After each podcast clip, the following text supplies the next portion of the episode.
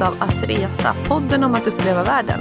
Med mig Lisa Falåker som skriver resebloggen livetfråndenljusasidan.se och Annika Myre som har bloggen resfredag.se.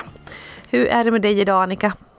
Ja, eh, sportlovet är slut och vi är i full gång med en ny vecka. Och vi pratade ju faktiskt om sportlovet och våra förväntningar och planer i det förra avsnittet av podcasten. Och det blev inte riktigt som jag hade hoppats och förväntat mig. För att vi låg typ sjuka hela sportlovet. Alltså hur värdelöst. Jag känner att det kanske är det som är den största risken med de här äh, vårens skollov, att de ligger lite risigt till, framförallt sportlovet som ju är i februari. Men det var ju himla tråkigt att det var så att ni fick helt sinkade planer utav det. Ja, men så, så är livet ibland. Det gick runt, runt. Det började med ett barn och sen nästa och sen nästa och sen jag och sen min man. Men alltså fördelen är ju att eh, vi, ja, nej, det var inga fördelar. men, men, vi fick ställa in Malmöresan som jag hade längtat efter så mycket. Eh, men så är livet. Du hade däremot ett otroligt fint sportlov har jag sett. Ja, verkligen. Vi var ju i Åre och åkte skidor och det var så himla himla fint. Alltså det var så mycket sol, alltså varje dag. Och eh, Åre och skidbackar gör sig väldigt väl i sol. Däremot var det väldigt kallt för liksom resten av Sverige den här vecka 9 som ju vi hade sportlov som är Stockholms eh, sportlov. Det är, Norrland har ju fortfarande när det här släpps tror jag. Eh, men eh, det var väldigt kallt i hela Sverige och Åre var inget undantag. Så det var så minus 20 och ganska jobbigt med en liten tvååring. Och även sjuåringen i backen tyckte det var jobbigt. Alltså det är svårt att styra över kalla fingrar och kalla tår när det blir sådär kallt. Men, Men kan, man ens, kan man ens vara ute och åka skidor när det är minus 20? Ja, absolut. Alltså om det blåser då blir det kanske för mycket direkt. Men om det är minus 20 och vindstilla och sol och en februari sol eller nästan mars-sol som värmer lite grann så funkar det rätt bra tycker jag. Alltså jag fryser aldrig om kroppen och det gör inte mina barn heller. Där jag vet man hur man ska klä sig. Men det är just det, fingrar och fötter som är eh, eh, lite knepigare. Och sen såklart så blir det mer så att man måste ha buff för ansiktet, att man har så här en liten krage som går upp och sådär. Och det brukar jag inte ha vanligtvis, men man såg så mycket vuxna som har så här eh, ja men du vet, rånarluvor-aktigt med bara ögonen framme och det brukar man ju inte direkt se vuxna ha på sig, men det var ett måste.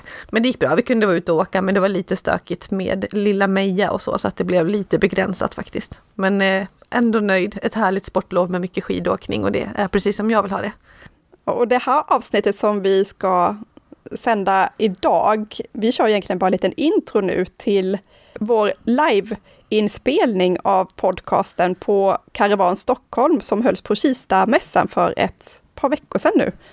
Ja, det var ju superkul. Vi var inbjudna för att göra en liveinspelning av podden. Det blev lite speciellt för micken som vi skulle ha funkade inte, så vi fick ha en mick att dela på, så det blev lite mer föreläsningskänsla än vad vi brukar ha när vi har en vanlig, lite mer dynamisk eh, poddinspelning där vi snackar. Men eh, det var ändå superkul att vara där så att eh, ni ska få lyssna lite grann på vad vi pratade om där, där vi pratade om trender, om resetrender och mycket om secondary cities, alltså städer som man kan åka till istället för de absolut mest välkända och välbesökta i olika länder. Men innan vi lyssnar på vår inspelning så tänkte jag påminna om en tävling som vi kör på Att Resa-poddens Instagramkonto just nu tillsammans med Over. Och eh, det här företaget tillverkar nackkuddar som är en, ja men det är en väldigt speciell variant som fungerar som en skaf när man inte har den på flyget. Och på flyget så kan man ha det som en vanlig nackkudde, men också så finns det en funktion som är som en jättestor huva som du drar ner framför ansiktet, så du får din egen lilla privata sfär i flyget, eller tåget eller vad som helst där du behöver den, bussen. Jag hade den här nu när vi flög till, till Madagaskar och det var så skönt, 11 timmars flygresa som jag kunde vara i min egen lilla bubbla. Ja, men den är ju helt fantastisk med som nackstöd och alltihopa. Det är allt i ett verkligen. Så det är en väldigt smart, eh, speciell kudde. Och eh, det man kan göra för att vinna en sån här eh, är att man taggar att resa-podden på Instagram. Och så kan du skriva några ord om bara varför du skulle behöva den eller någon som skulle behöva den i någon situation.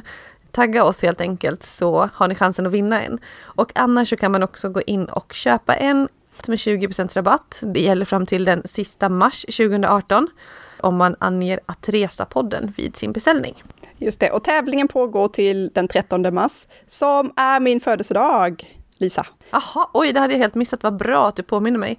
Men du ja. Annika, jag tänker på en annan sak också, bara innan vi hoppar in på äh, inspelningen och det är det här med att ert sportlov gick förlorat så att säga.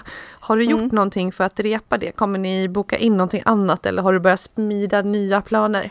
Ja men fördelen nu är att påsklovet kommer väldigt tätt nära in på eh, sportlovet. Det är ju bara några veckor kvar tills påsklovet. Mm, ja, men vi vill åka skidor min man pushar på att vi ska åka skidor och vi försöker kolla på lite olika alternativ. Eh, det är planen. Om det inte blir av så åker vi såklart ner till Karlskrona igen och firar påsklov med alla kusinerna, skulle jag gissa. Just det, ja men då får ni kanske ett bättre påsklov då förhoppningsvis än sportlovet. Ja, vi får se. Peppa peppa, tänker jag. Men eh, nu kör vi liveinspelning från Karavan Stockholm på Kistamässan. Varsågod och lyssna.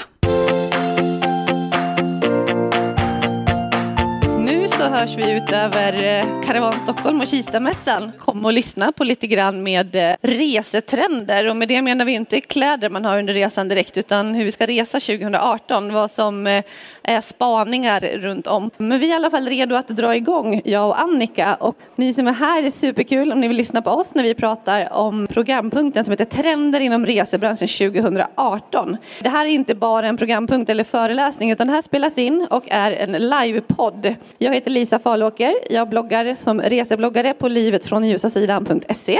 Och jag heter Annika Myhre och Eh, bloggar på en reseblogg som heter resfredag.se. Och den här gemensamma podcasten har vi haft i två och ett halvt år ungefär, sedan eh, december 2015. Och en podcast, för er som inte känner till vad det är, det är som ett radioprogram som du kan lyssna på genom telefonen eller i datorn. Digital radio helt enkelt. Och vi släpper nya avsnitt varannan vecka. Och då pratar vi om allt från, som idag ska vi prata om resetrender, men vi pratar om specifika destinationer, vi informerar om olika resmål och vi vill inspirera till olika typer av resande. Med inspiration som vi kommer att fokusera på. Och varför vi har en podcast? Ja, det är ju för att resor är vårt absolut största intresse. Vi har rest mycket, längre. Ja, husbilsmässigt så sträcker sig min erfarenhet till eh, en månad på Nya Zeeland med eh, två små barn och min man och vi körde runt hela Nord och Sydön. Hur ser det ut för dig Annika? Nej, jag är mer husvagnsmänniska. Vi har spenderat våra somrar på, i husvagn, mycket på Böda Sand på Öland. Jag kommer från Karlskrona som ligger i södra Sverige och bor numera i Stockholm, i Nynäshamn här, eh, en timme utanför Stockholm ungefär. Lite knixigt att dela mix här, men vi får se till att fixa det ändå. Men vi ska hoppa in på programpunkten, för det är därför ni är här och det är därför vi också har, som vanligt skulle jag räkna med, att vi har ett gäng tusen lyssnare på podcasten, för det är det vi har varje avsnitt. Eh, dagens avsnitt är nummer 56, vi har hållit på i drygt två år, så nummer 56 som handlar om resetrender 2018. Det är någonting vi redan har berört i ett avsnitt i november tror jag att det var. Vi spanade lite grann framåt och vad kan man tänka se för någonting.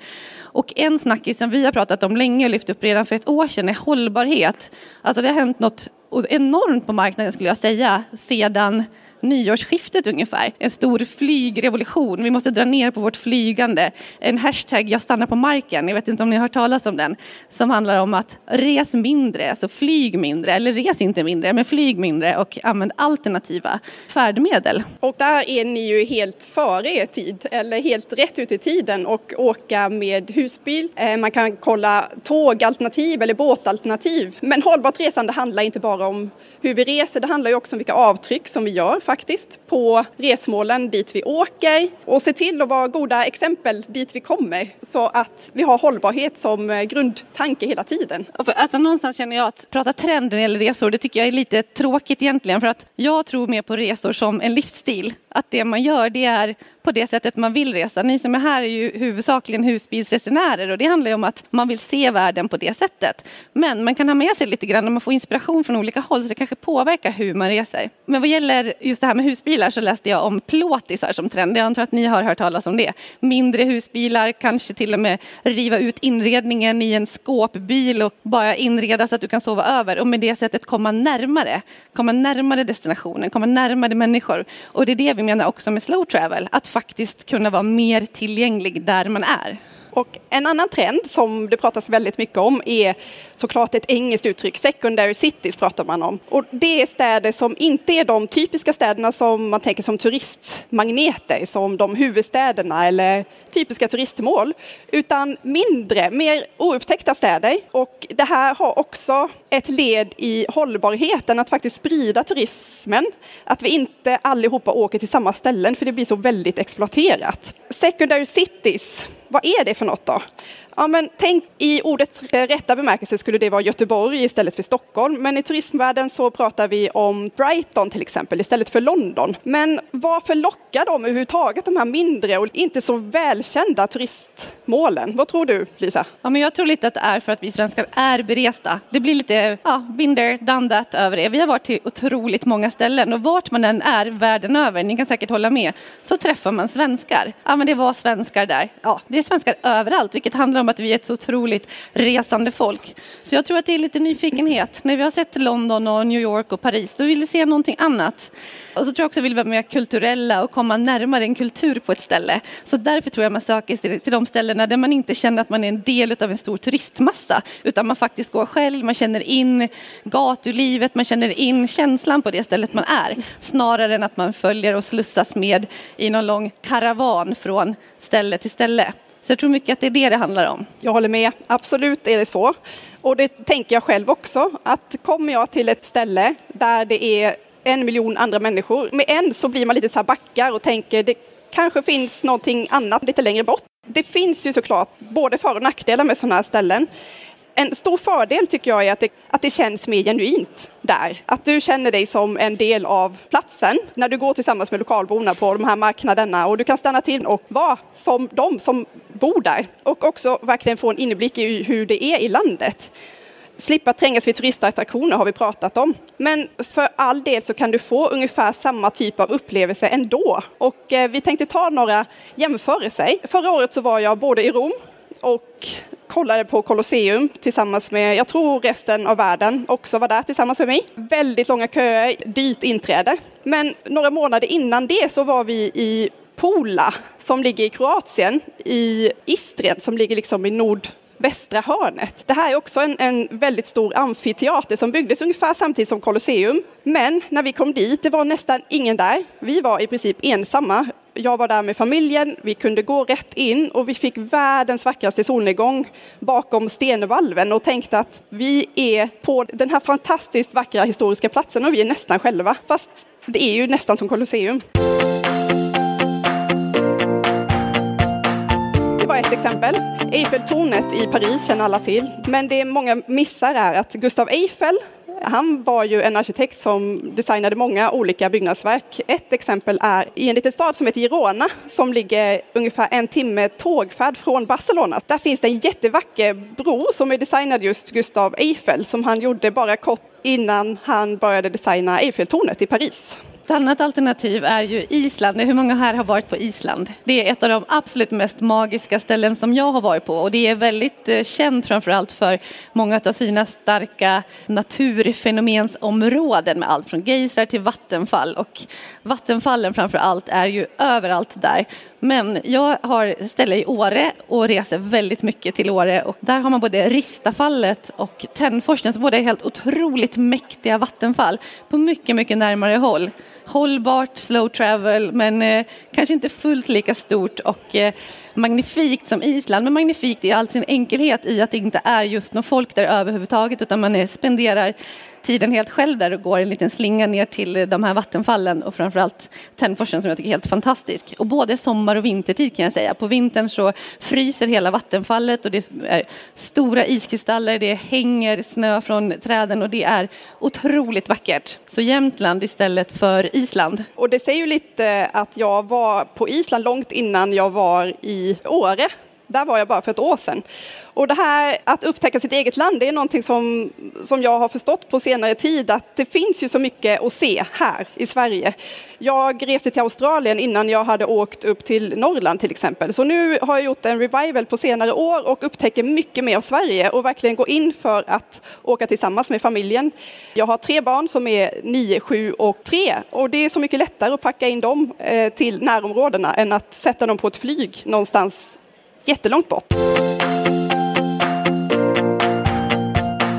Ett annat exempel på en, en liknande upplevelse som vi kan få i Sverige är ju faktiskt Stonehenge i relation till Ale stenar nere i Skåne. Och jag har varit på båda platserna och fick en minst lika övermäktig känsla av att åka till Ale stenar där det inte var något inträde, det var gratis att komma in, vi kunde bara gå rätt in och till den här otroliga naturscenen.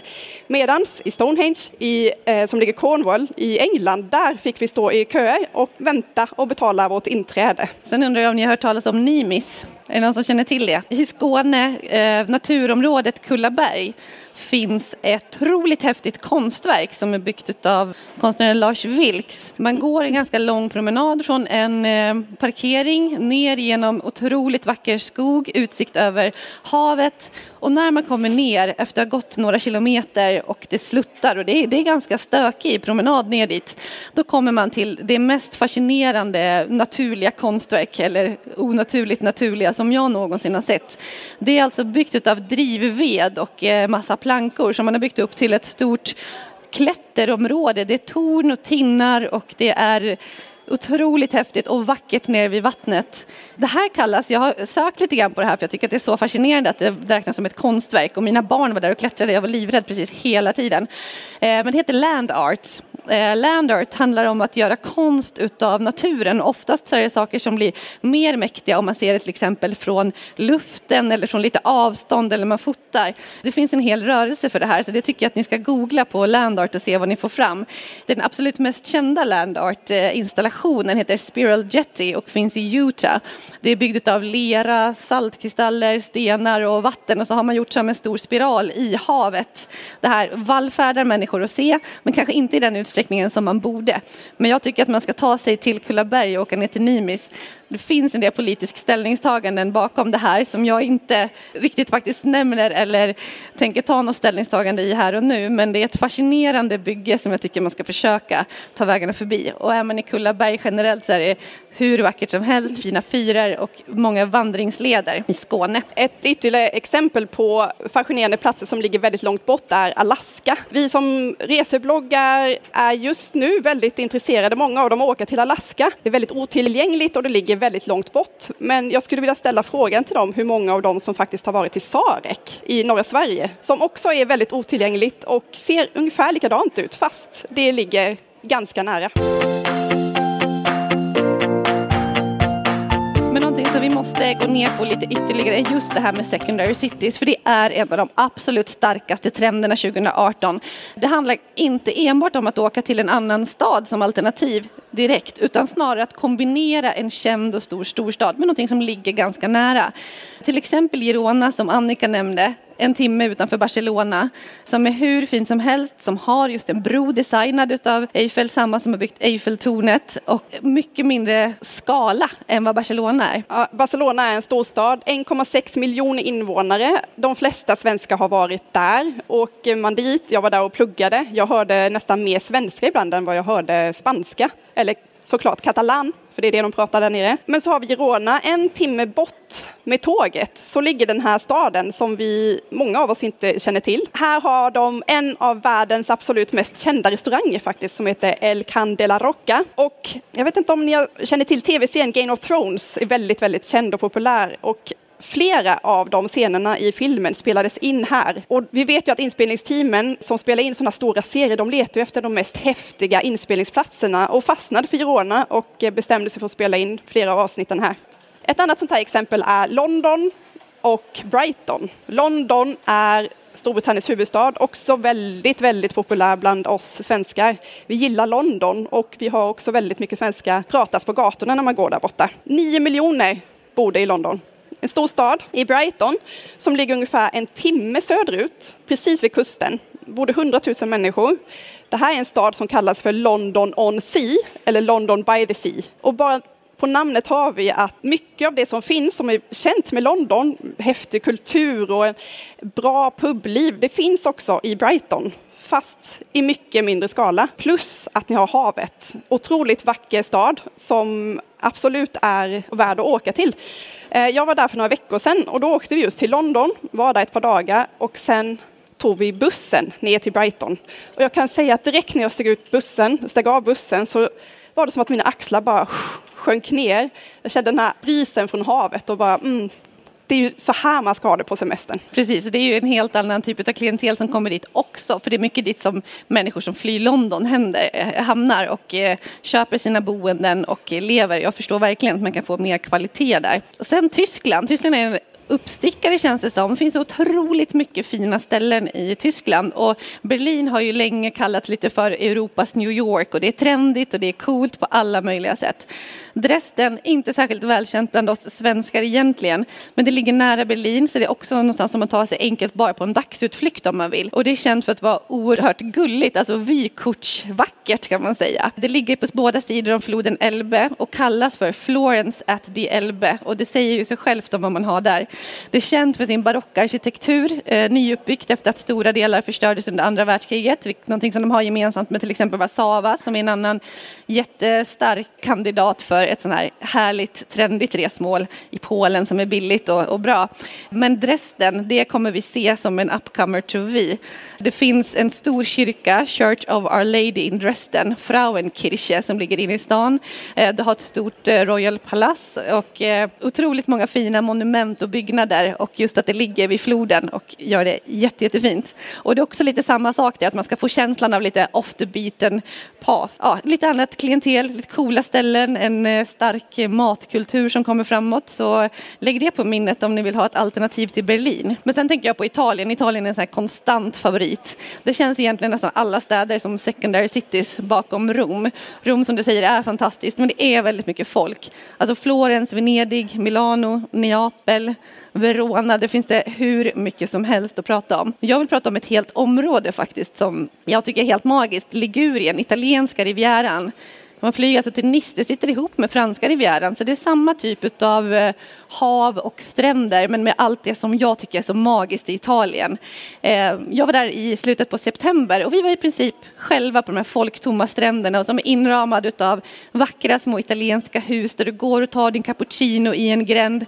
Kolla upp Ligurien, man flyger till Nice. Vi hade en hyrbil därifrån. Jag tror att det tog ungefär en halvtimme med jättebra motorvägar att ta sig in på italienska rivieran. Så här ligger alltså nära franska gränsen. Man behöver inte ta sig ner mot Cinque Terre och de här eh, otroligt fina ställena ställena också men det är väldigt mycket folk vid de här små färgglada byarna längs med havskanten. Utan kolla Ligurien nästa gång.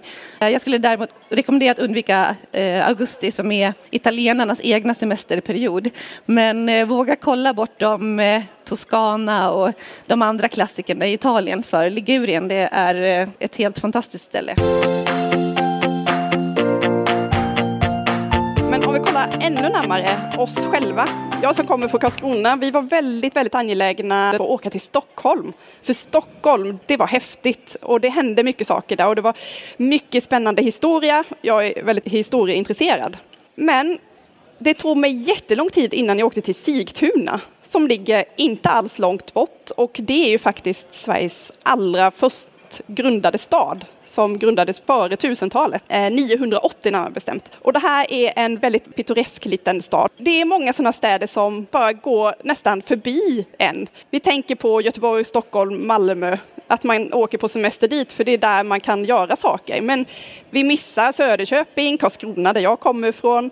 Det finns så mycket platser som ligger i närheten som är värda att besöka. Och vi har våra egna små secondary cities här i Sverige som jag vill uppmana folk att semestra i. Vi intervjuade i ett avsnitt två, eller ett par var det, som var ute och cyklade runt hela världen, apropå slow travel och eh, att resa hållbart. När vi intervjuade dem hade de varit ute i ungefär ett och ett halvt år tror jag och eh, hade på helt obestämd tid. Det här är inga cyklister sedan innan. Velo Velo, det kan ni kolla upp, de har en egen hemsida.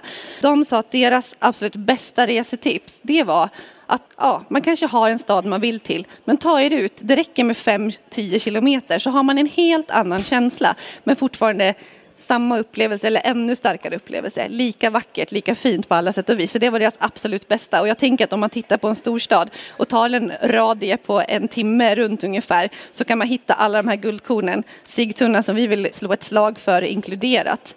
Eh, massa fina slott, klassiska kaféer, eh, Tant Brun och Farbror Blå, är det så de heter de här lunchrestaurangerna och kaféerna som är värda att nämna. Och eh, Sigtuna höjden som är ett jättefint eh, spa-konferenshotell där man kan åka och käka god mat.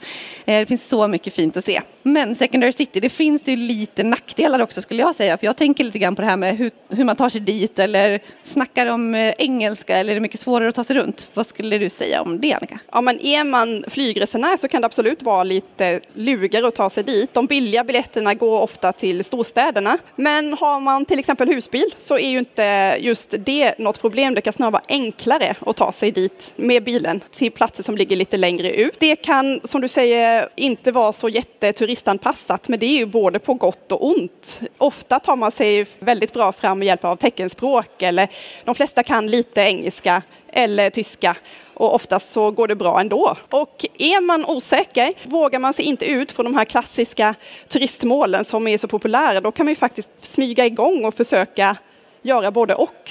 Så nästa gång som ni bokar en resa till en storstad så kanske ni ska kolla vad som finns i närheten. Kan det vara någon idé att ta en liten dagsutflykt eller kanske sova över en natt och sen åka tillbaka? Precis. Så resetrenderna 2018, alltså jag tror att det där med resetrender det är någonting som kommer och går. Och vi har i podden som nu har hållit på i snart två och ett halvt år haft ett trendavsnitt för varje år. Och man kan se lite samma saker som kommer och försvinner. Men ja, vi får väl upp ögonen för nya sätt att resa på. Men det jag tycker att man ska ta med sig är ändå att det är att bra trender ska bli normaliserade. Att det är det som vi ska försöka sikta på. Och framförallt när det gäller hållbarhet, att resa hållbart, stanna längre eller åk närmare, se vad som finns i ens närområden. Slow travel såklart, lär känna kulturen, befinn er bland människorna, gå in och bara känn in en stad istället för att slussa runt bland turistmassorna och res på ett check in the box sätt. Jag tror inte på det i längden. Och secondary cities, det är där det händer. Man kommer se de eh, coola såväl som härliga och bästa uppstickarna där och man kommer få en upplevelse bortom det man faktiskt kanske redan har sett eller kan göra lite snabbt då checka av i den där boxen för att sen ta sig vidare. Eh, och det är de eh, poänger som vi vill skicka med idag. Och sen kan vi också avsluta med att säga vart ni hittar oss. Som sagt, det här är avsnitt eh, 56 som vi spelar in live här. Vi spelade in ett live förra året också. Så varannan vecka hittar ni oss på eh, Attresapodden. Vi hittar oss på eh, vår hemsida attresapodden.se men också Instagram och Facebook med samma namn. Och bloggarna resfredag.se och livetfråndenljusasidan.se. Mm, gott om inspiration och resetips där. Ja, och jag tycker det ska bli jättespännande om vi kollar på trenden för nästa år, 2019. Vad, vad är det vi kommer få se då? Jag tror inte att den här flygdebatten som är igång nu kommer minska, snarare tvärtom. Resenärer kommer hitta andra sätt, alternativa sätt att resa och jag tror verkligen husbil är någonting som kommer växa framöver. Jag tänker också att för oss som har barn och som är i, ja, i den åldern att just det här med små plåtisar som kommer att kanske så här bo någon natt och istället för att kampa som är trixigt att det är ett sätt att också resa med barn och som också kommer för en yngre publik tror jag att eh, se sig om i världen genom att kunna ta sin bil och åka till närmaste möjliga ställe. Ja, men det får vi tacka för oss och tacka jättemycket för Karavan Stockholm för att vi fick komma och vara med på den här härliga mässan på Kistamässan. Superkul och hoppas att ni hittar in till oss också via bloggar och podd. Tack så mycket. Tack.